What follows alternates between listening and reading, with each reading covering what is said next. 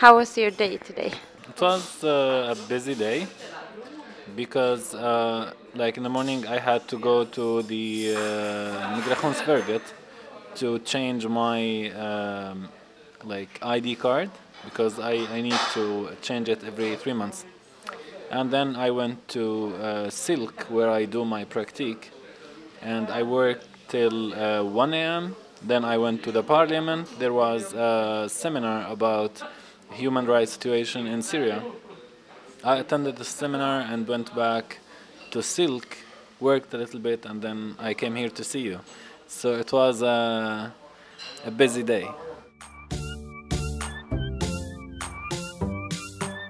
Yrket, en podcast om arbete. Med Danni och Killi.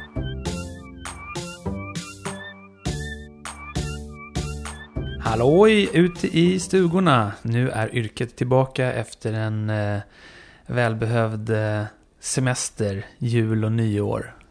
Det har skett mycket eh, på privata planet för mig i alla fall. Hur mår du Daniela? Jo, men jag mår bra faktiskt. Skönt att vara tillbaka. Mm. Och idag ska vi få ta del av din intervju med Mohammed som är en syrisk flykting i Sverige. Och hans tankar och idéer kring projektet som han håller på och driver. Eller hur? Som heter The Young Republic, precis. Och det här avsnittet sker på ett café så ljudet är lite annorlunda än det vi är vana med. Och det sker på engelska. Så eh, håll till godo med det. Och vi är tillbaka efter med ett litet eftersnack. Hörs sen. My name is Mohammed Al Saud. What I do in life, I am an activist. Uh, I do uh, basically what I do is I do strategic uh, planning for uh, grassroots initiatives and civil society in general. So I worked in, in, in different countries and in different places uh, in, in this domain, launching uh, new initiatives and working with different organizations. Before that, I lived in um, Tunisia, uh, Jordan, Syria, Turkey, France, and uh, uh, Sweden. So um, this is what I do. My, my the project that, I, that I, I engage with is basically about human rights and democracy. Uh, I'm Syrian, but I was born in Saudi Arabia because my parents were working there. So I lived in Saudi Arabia till I was uh, nine years old, and then I went back to Syria um, when I was nine, and I left Syria when I was 21. So when you were a child, did you think that you will uh, wanted to work with these kind of things? When I was a child, no, I don't think so. Actually, 2011 was a turning point in, in my life because uh, before that, um, yes, I was working with civil society, but more like with youth projects and like development. And also, I was uh, opening my own business in event management. Being involved in democracy and the human rights wasn't really in my mind because in Syria it was a dictatorship and anything related to democracy and the human rights means prison and maybe death. So after the, the uprising started in, in Syria in 2011, I decided like, yeah, this is the thing that I want to do in, in life, and I have been doing it for, for five years. And now, like uh, a year ago, I started an organization registered here in Sweden. It's called uh, the Young Republic. And with this organization, I work with a group of um, Syrian, Swedish, Tunisian uh, young people. Like our aim is to build a youth movement that is democratic and strong uh, within the Syrian diaspora. That this movement can build a new republic in Syria after the conflict. In the future, do you think how many years until this could happen? This could be a real reality in Syria? In the project, our strategy is uh, six years. So, what we are planning for is in six years, we will have this movement ready. This movement will be young leaders who were mobilized in all countries that the Syrian diaspora is displaced in. and then they are like they are part of a capacity building program that can train them on different skills that they need and different knowledge in different civil society uh, thematics. And after this uh, capacity building program that will last for a year, they will start establishing their own organizations. So in in like four years from now, we will be having 25 new projects and organizations from these young leaders. And also, they will uh, start a youth parliament and a think tank to, to produce uh, a, a draft constitution for the new republic in Syria and also to produce a roadmap for ending the conflict and uh, along with uh, a national reform strategy. So, in six years, we will have a network of, uh, or like a movement of uh, hundreds of young leaders, tens of civil society organizations, all the plans and strategies that they need to end the conflict and start uh, uh, like democratization process of Syria how do you get in contact with these uh, people? Like, for example, here in Sweden now, how do you do it, like practically? Our mobilization tool it's um, it's self-organized local events. Uh, if we can, if we want to put it close to something we know, it's like TEDx. So these events we call it the Young Republic Forums, which uh, Syrians anywhere can organize. Uh, they get together. Uh, first, they share food because it's part of our culture. It's like the basic thing in our culture.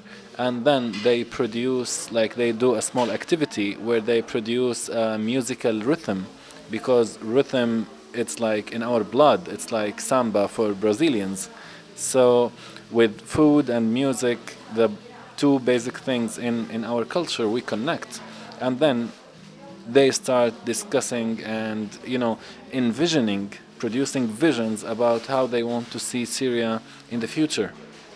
So we use this event as a tool to gather Syrians together and uh, build a small, uh, uh, let's say, circle of Syrians on a very basic level, on a very local level, and then all of these uh, forums, who, which are taking place in, in different countries in Europe and in the neighboring countries of Syria, they connect through an online platform and there is a movement of all of these people who are attending.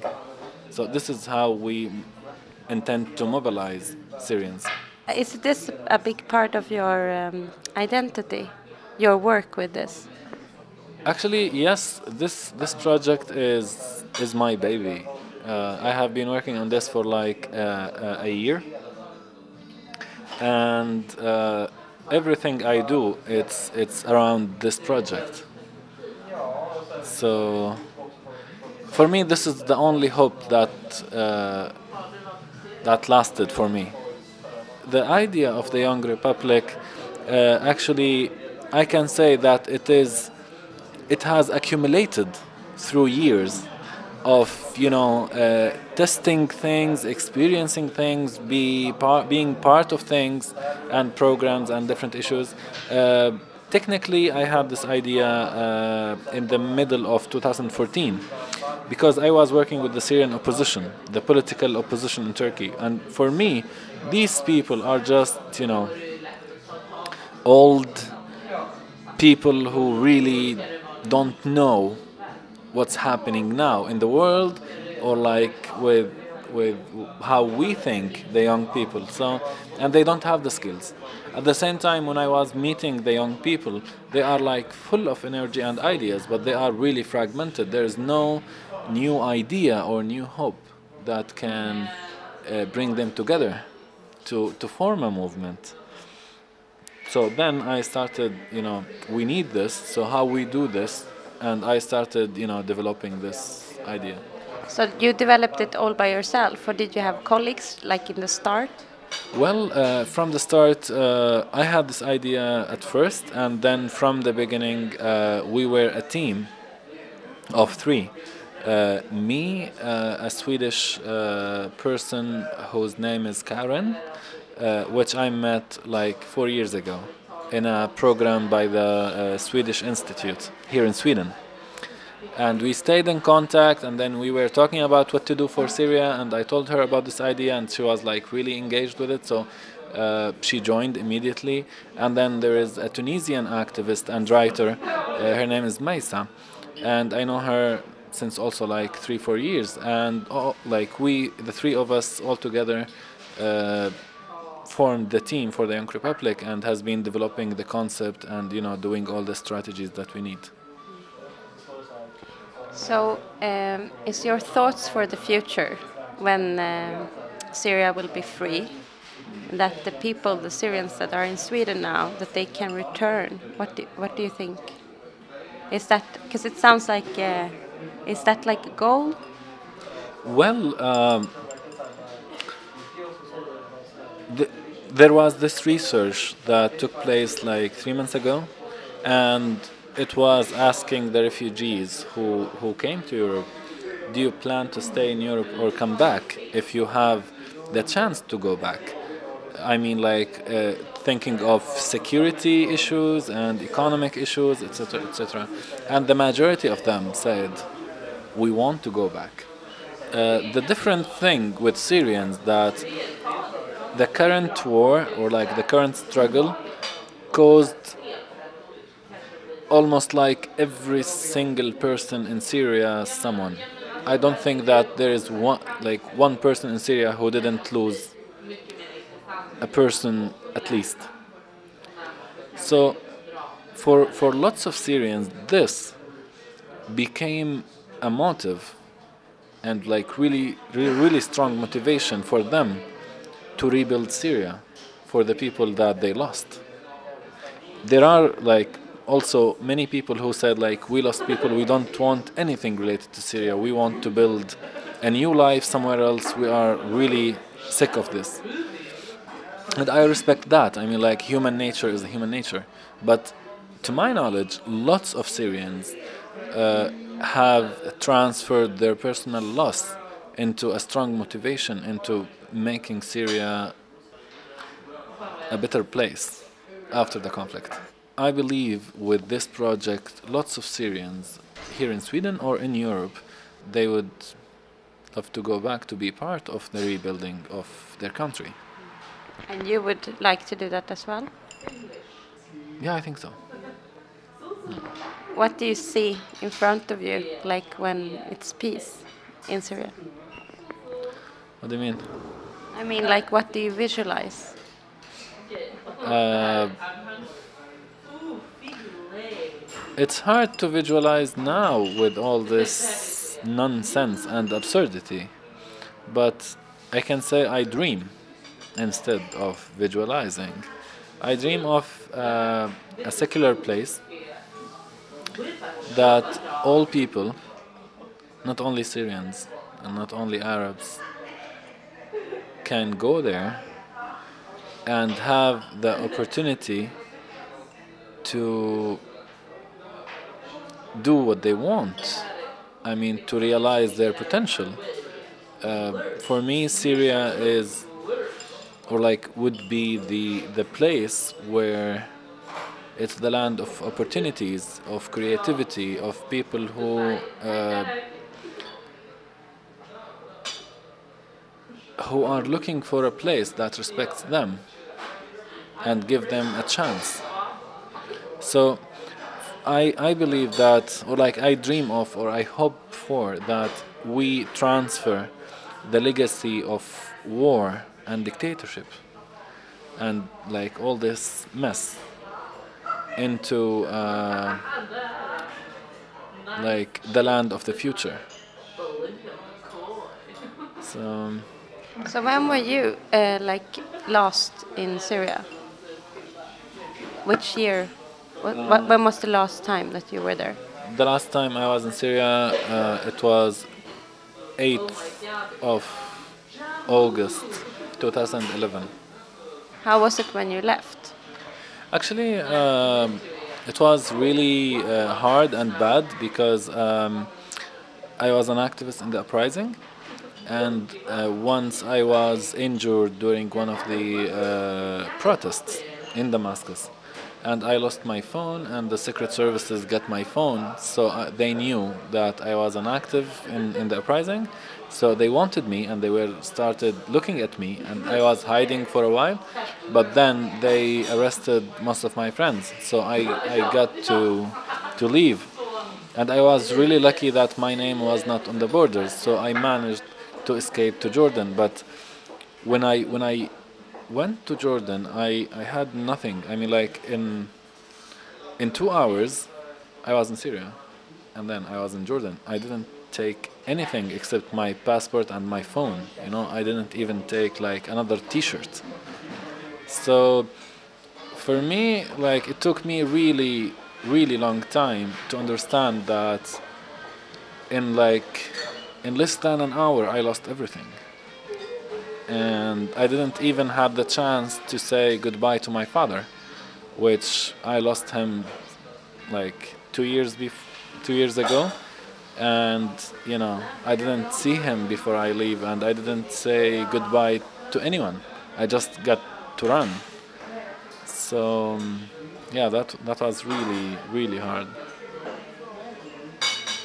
It's very hard to uh, like now when a lot of people come here and they come like with all these kind of stories and everybody has like one story to tell and at, at the same time you see like all the hostility you know in sweden now and the, like how the right wing movement are moving forward. What do you think about like that? Well for me i believe that uh, what the media is doing is dehumanizing the people in the conflict zone. For most of the people who are like, for example, Europeans or people who are not in the Middle East or who even not Syrians, if you ask them about Syria, they would say like, yeah, war, death, destruction, politics, but no one will talk about the human being, the humans behind all of this. I mean, like, they talk about, let's say, uh, like France is bombing ISIS, but nobody thinks that ISIS is hiding among civilians and civilians are being killed every day. I mean, nobody thinks about how, like, Assad killed hundreds of thousands of people in the last five years. So these stories plays play like a massive and important role in rehumanizing the people who are fleeing they are not migrants. They are not you know numbers. They are not this you know in uh, poor people who doesn't know anything and not educated and doesn't know anything about you know like technology. They are just normal people just like anyone else. And it's really sometimes I, I, I, I find it absurd how humanity and the world doesn't learn from its mistake if we go back to what happened to the to the Jews, they they have been like murdered through years, and the world did nothing, and refused to listen to other people who were talking about their massacres and like in in many countries they didn't say the word Holocaust, and then it was you know it's like they suddenly uh, woke up and they discovered that, oh yeah, the Jews were killed by millions. Oh yeah, never again. But it did happen again and again and again and again, and at every time, they like they act in the same way, in the same ignorant way. You know, like yeah, but who said people are being killed in Syria? And who said Assad is a bad person? And who said that these migrants are not terrorists? I mean, like, it's it's just stupid. You know, like people are like it's the very basic instinct instinct in, in, in a human nature. You know, like now we are sitting in this cafe. Just imagine, I don't know, like a bomb is exploding here. You will run I mean, nobody will stick to the death. They will run. I mean, any anyone would run. Even these like these new Nazis and this uh, right-wing movements, if they are now uh, in a war zone, they would be refugees. So it's just about the ignorance and the political agendas that they are making use of the suffer of the people to make like political gain. I uh, heard at the news yesterday actually that um, Europe is going to give Turkey a lot of, of money now to stop people coming into Europe. It's disgusting that Turkey has been allowing people to die in the sea just to make a deal with Europe. Uh, so it's like they sold us and, you know, got our price from Europe. You know what I mean? And at the same time, Europe is trying to push the refugees back in any possible price. I mean, like they would do anything to push them back. The disgusting thing for me that the whole narrative is different because how the media is, is putting it and how the, the, the governments are putting it, we want to help refugees and we want to help Syrians. It's not about helping, it's about being responsible for what happened. If if we think or like if we investigate more, Sweden actually uh, Ericsson has sold surveillance softwares to Assad regime in 2011 and this was covered by the Swedish radio. If you go to the Swedish radio website, you you will find uh, uh, this article in 2011. Germany has sold chemical uh, substance to the Syrian regime in 2013, and the UK has sold nerve gas to Assad regime in 2013. And this, like you go to the Independent, you find about the UK deal, and you go to Reuters. Uh, uh, September 2013, they sold this chemical substance to, to Assad. So this is on one hand. On the second hand, the whole world knows that Iran and Russia are providing weapons to Assad.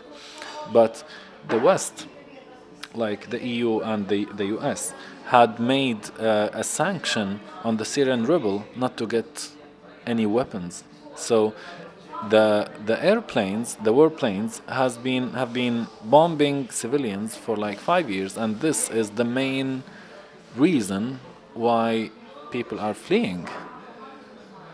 So people are fleeing because the West has supported their fleeing, has being a part, a bad part in this conflict. It's not about helping. It's not like being like a very generous and good-hearted West. It's about all these involvements that made this conflict a bloody war and a devastating war and that made people flee i was investigating this because like this investigative journalist in in my mind i cannot just you know see what the media is is putting. So i was going back to these details. And it's not like rumors. It, it is on the websites of reuters independent and the swedish radio. And it is also you can you can check how the US and the EU made these sanctions, especially in the anti-war, uh, uh, sorry, uh, anti-plane missiles for Syrian rebels.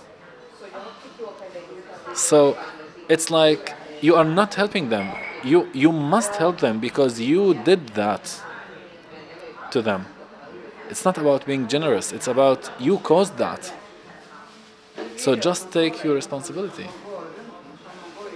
because otherwise you are helping the killer to kill people and then like forbidding the people to flee and blaming blaming them for being extremist. I mean like this is the normal thing to be an extremist in, in this situation because it's just absurd. So do you still have uh, friends that are in syria now? Uh, very few. Uh, most of the people I know uh, are killed, detained, or they left Syria. I still have few friends there. Do you have friends in Sweden from there? Yeah. Yeah. Yeah, I have many uh, friends from Syria who are here now. So it must be a very special bond then. In what sense?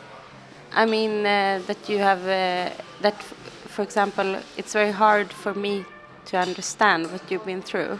But if you've been through it with somebody who's seen it, then it becomes a special bond.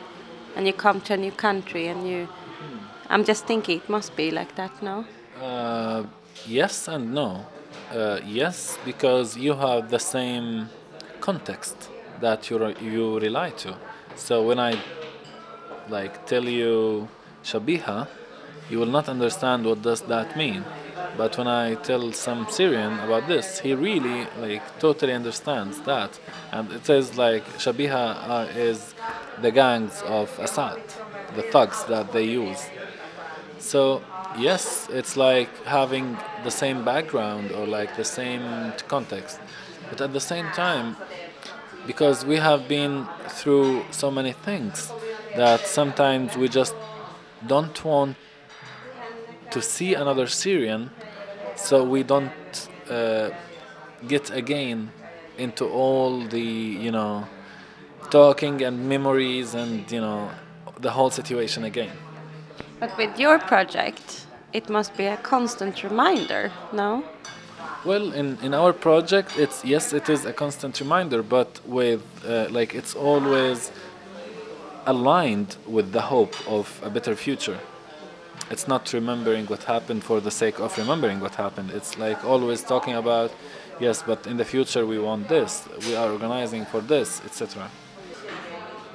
Do, do you have time to do other things except work, or do you work a lot now that you're in Sweden? Um, I work a lot, uh, almost day and night, uh, because I'm doing this practice during the day at Silk, and also um, I work on the Young Republic. And to make some money, I do freelance uh, strategic planning consultancy. So uh, I work a lot during the day, but still I manage to have uh, some time to go fishing or uh, cooking for my friends. Uh, I hang out with with different friends most of the time. So yeah, So how do you find Sweden? You, ha- you have been here before, before you came here five months ago. yeah. I was here in um, in, 2000, in 2012, and uh, I love Sweden. Honestly, I mean, like l- most of the people they uh, complain about the weather and you know the darkness, blah blah blah. But I think it's not like there's no perfect place. I mean, Stockholm is just really charming and glamorous, and I, I love Stockholm, really. When I walk in in Gamla stan, it's like it's something inside me that has passion for for this place. Yeah, I, I, I like it. You- so you don't think that you will like uh, to live here forever because you love it so much? Well, nobody knows. I mean, like now. Okay, here is the, th- the the thing. When I when I left Syria to Jordan, I refused the idea that I am now displaced. So I didn't even memorize my phone number in Jordan.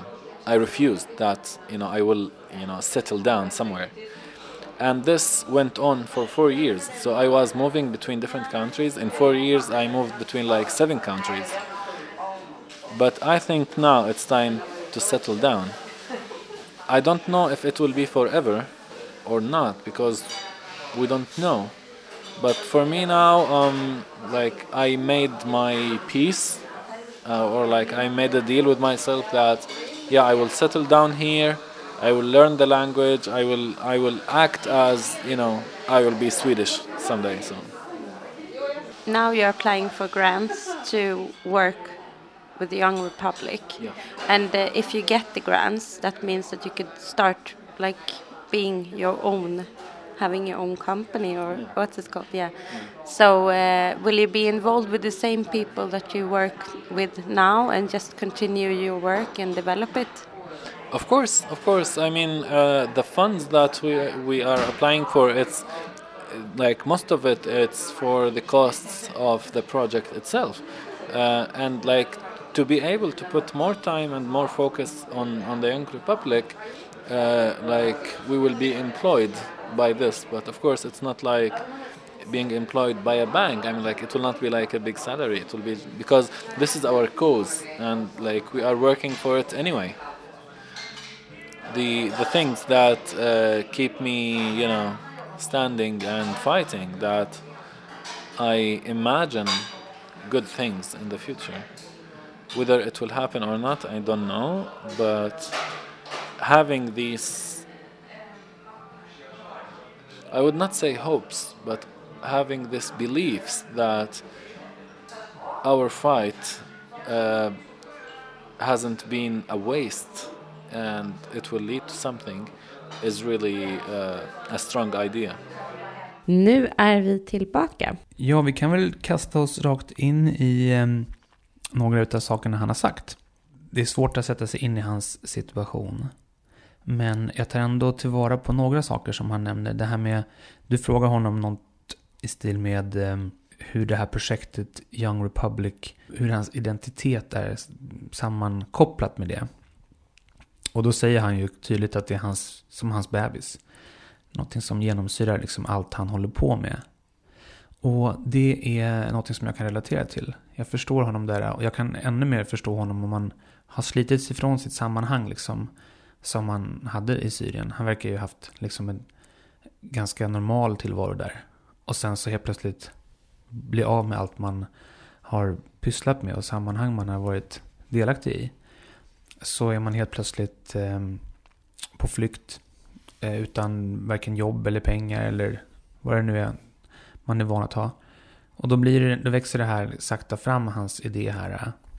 Och då blir det någonting som han kan verkligen sträva efter att lyckas med. Och oavsett vad det kommer att sluta som så är det ju liksom identiteten i att ha ett projekt som det här är också ett, ett viktigt projekt för honom och kanske för andra syr, syrier. Ja, så, så man, jag, jag, jag, förstår den här känslan av att här, jag har inte så mycket på jorden just nu, men jag har den här visionen. Eh, och då blir ju det det som man själv är. Liksom. Det, har ju, det har ju liksom, alla de här värdena och sånt har liksom förts över på honom och han, han lever med de där tankarna hela tiden. Spännande tycker jag. Jag tänkte också på det, att eh, man går in i liksom det man gör helt fullt och man känner att det är så här, eh, nästan som det, det enda som finns kvar. Alltså det där hoppet om en bra framtid låg liksom i det här projektet. Men det här uh, han gjorde då, som i, vårt, i vår podcast blir liksom yrket då, inom stora situationstecken här liksom. Det, det var det som skänkte glädje och det var det som han kunde tala om och, och liksom hänge sin tid åt fullständigt. Liksom. Han, han kämpar för, för någonting gott och han vill göra det med goda medel och hjälpa andra människor att också aktivera sig liksom i sammanhanget. Ja, det finns ju inte så mycket att eh, diskutera kring det. det. det. låter som en väldigt bra och liksom sympatisk gärning. Så att det enda man kan tänka är att man vill stödja honom. Men det jag eh, glömde fråga honom, eh, men som jag har tänkt efterhand på, det är så här, vad man behöver ha för egenskaper som i sin person för det... att klara av att eh, vara en sån här aktivist. Mm. Ja, nej, det, det, det var ju för inte det jag ville säga, men jag kommer, det anspelar till det. För att han nämnde ju så kort vad han hade pysslat med tidigare. Du sa off the record att han hade utbildat sig till journalist. Det, eh, sa han det i intervjun? Ja, han pratar om att han har arbetat eh, som journalist, som granskande journalist. Okay. Jag, jag, la, jag, bara, jag skrev ner några stödord här och det var liksom att han hade jobbat bland annat som event manager och med youth projects. Det är väldigt diffust vad det pysslar med, vad det handlar om. Men det låter ju som att han har förenat de två liksom, sysslorna Eh, i, eh, i det här uh, Young Republic. Så att där finns det ju uppenbarligen två egenskaper som han tog tillvara på. Eller har tagit tillvara på i det här projektet som han driver nu. Och ja, har man en sån um, glädje i att uh, skapa samman, sammanstrålningar av människor eller sammanträffande eller hur man uttrycker sig. Så är det ju suveränt om han kan liksom ta med det in i det här politiska projektet som han pysslar med. Men jag tänker mig att man måste vara så här social, väldigt social. Det var Och inte att- det väl? Det lät ju som att han var det. Ja, alltså han måste ju vara det för att kunna... Jag tänker så här, olika egenskaper som man ska ha om man ska bli aktivist. Alltså brinna för någonting väldigt starkt Mm. och så här, kunna sätta sig in i det. Om man nu är aktivist eh, liksom i en, På heltid. på, på heltid och i en eh, sak som inte konkret man själv har blivit berörd av. Mm. Tänker jag om man skulle vilja bli aktivist. Mm, mm, mm. Så måste man engagera sig djupt och liksom läsa mycket om, om vad det är man... Så att man har liksom kött på benen och eh, vara väldigt så, social. Att kunna skriva, uttrycka sig i text måste väl vara en väldigt bra egenskap. Och eh, kunna söka väldigt mycket medel, det sysslade ju han med nu, för den här The Young Republic. För att kunna liksom få projektet att växa. Det är ju lite som att vara projektledare också kan jag tänka mig. Ja, jo. Och jag tror att i dagens mediasamhälle liksom, med eh, alla sociala forum och sånt på nätet, så är det här kanske en... Man ser hur man kan pyssla med det här. Alltså alltid när det talas om arabiska våren och sånt där, så har ju liksom Twitter och jag vet inte, Facebook, men Twitter nämns ju i alla fall som en extremt stor källa liksom för information och sånt där.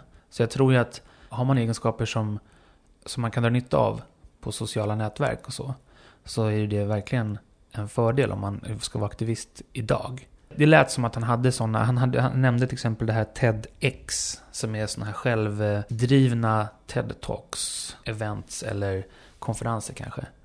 Och att han, han, han drog paralleller till dem med deras projekt. Liksom. Och det är ju en ganska cool företeelse som folk tar del av på nätet. Liksom.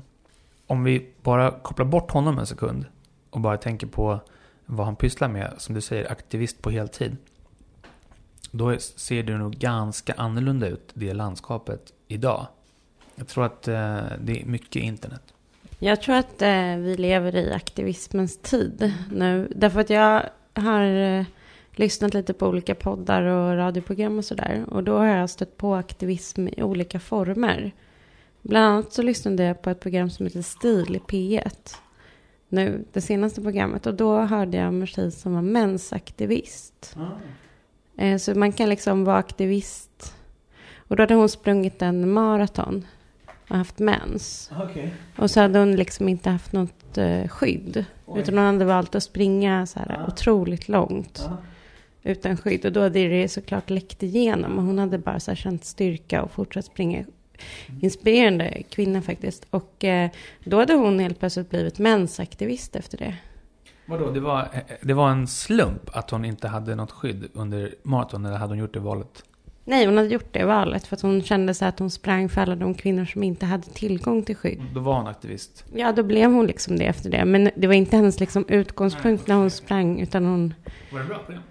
Det var ett bra program. Eh, Men jag tänker så här att det här är lite så här en tid då vi ser människor som blir så här väldigt engagerade i olika saker och blir eh, aktivister då. Mm, mm, mm. Har du någon så här aktivistisk bakgrund liksom?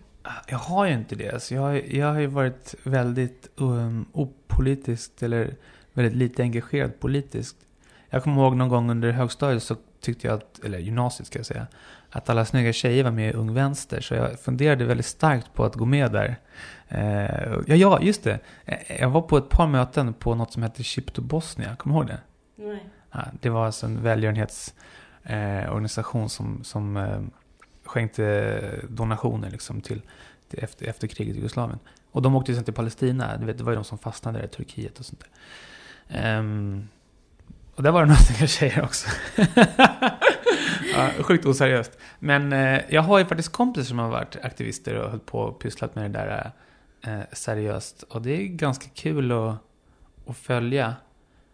Men ehm, nej, jag har nog för, för klena värderingar att jag vill aktivera mig och ägna mig heltid åt det. Mm. Tyvärr. Även om jag tycker om och intresserar mig för politik. Så är det. Ja, Jag intresserar mig mer för tjejer, uppenbarligen. du var ju med i Ung Vänster, och sånt. Det var inte det någonting sånt? Det känns som att du skulle ha varit politiskt aktiv när du var liten. Nej, alltså jag var aldrig medlem där. Men eh, jag eh, gick nog också på några sådana där möten tror jag. Sen var jag med i elevkåren också. Ah.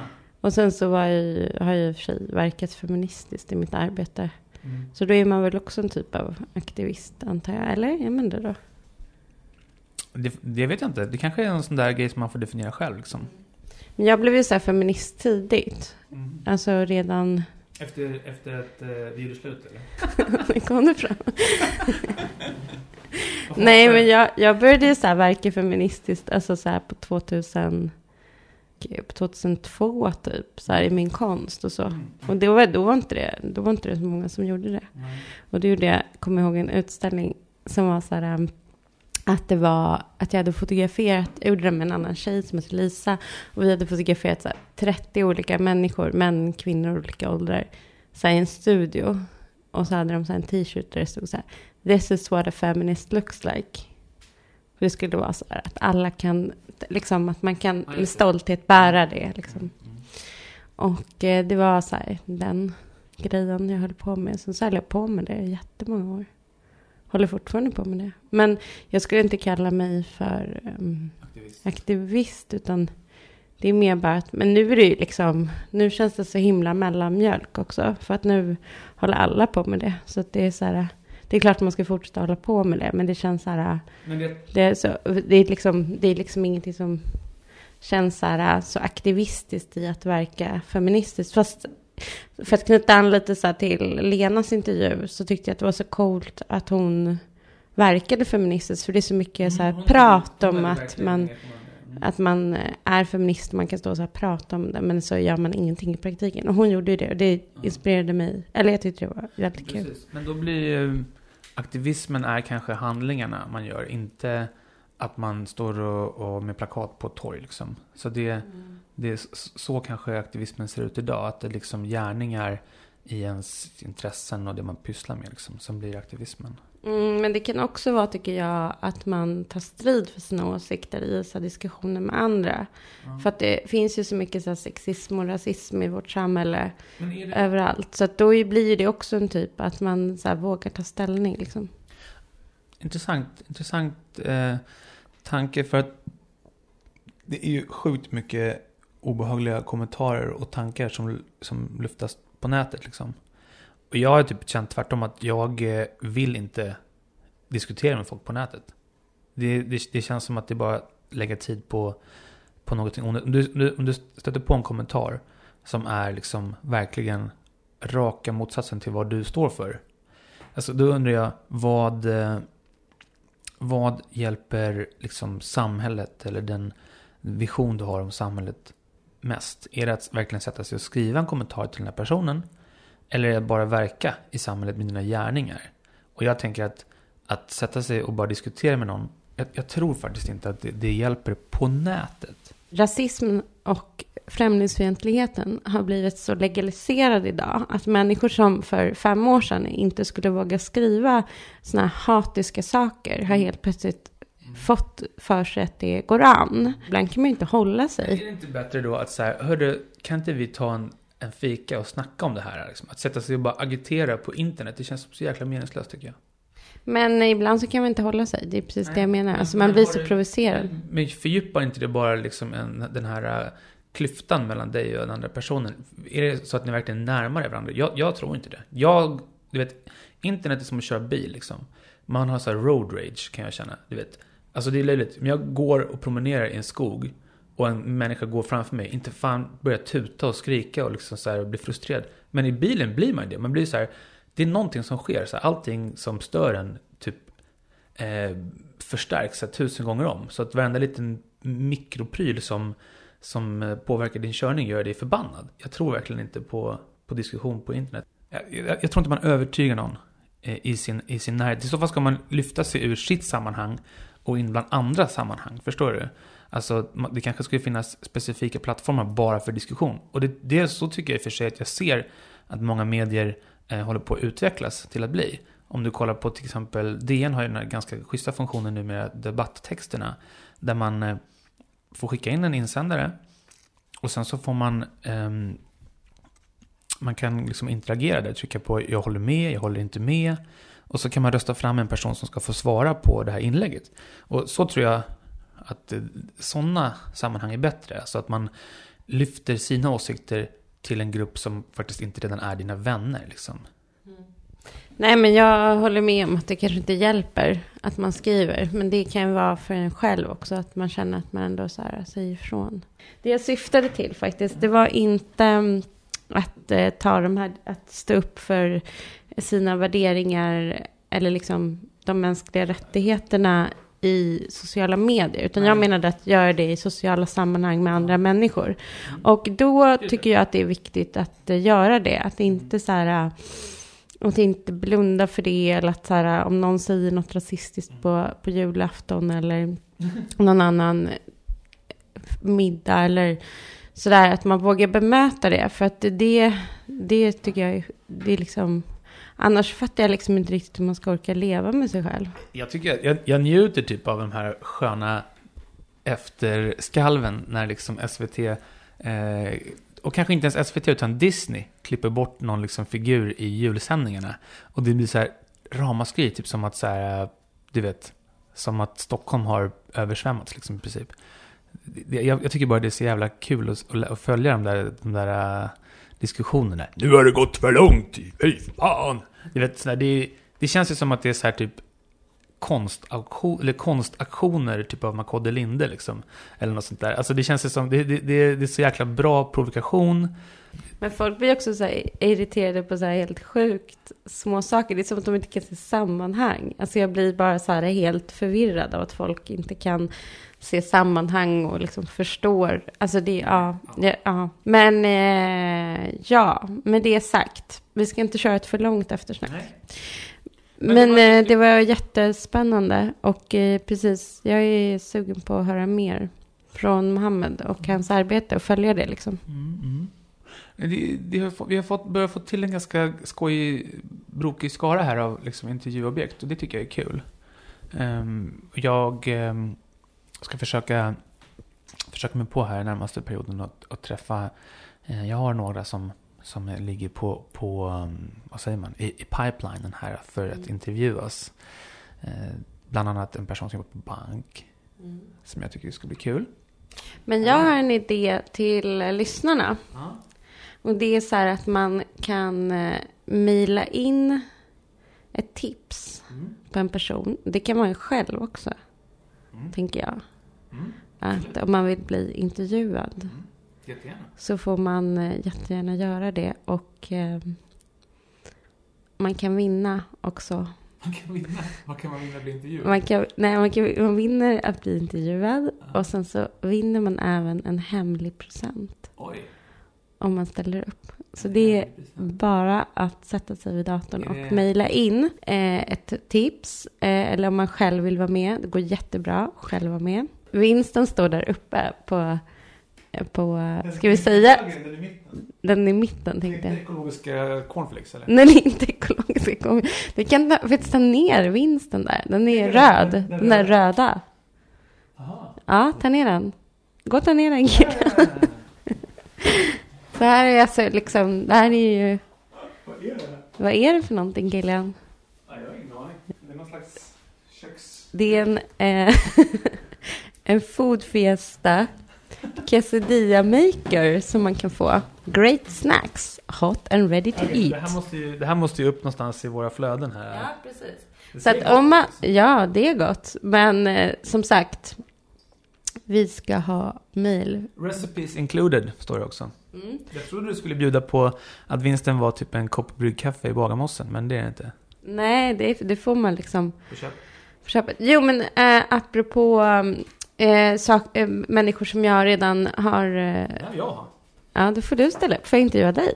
Ja, men det blir... Mm. Nej, det blir kaka på kaka. Men jo, jag har en forskare som jag ska ha med och en en eh, personlig assistent som jag inte har frågat ännu, men som jag är så jättesugen på, som verkar jättespännande. Och sen så har jag lite andra tankar. Men du, jag skulle vilja intervjua en liksanerare. Mm -hmm. Har du någon kontakt där eller ingång? Nej, jag har inte det. Men om du är liksanerare eller känner någon som jobbar som det så får ni också gärna mejla in. Vart ska du mejla killen? Hej snabela yrket.org. Okej, ska vi tacka för idag? Yes. Tack så mycket. På återhörande. Tack, tack. Hej då.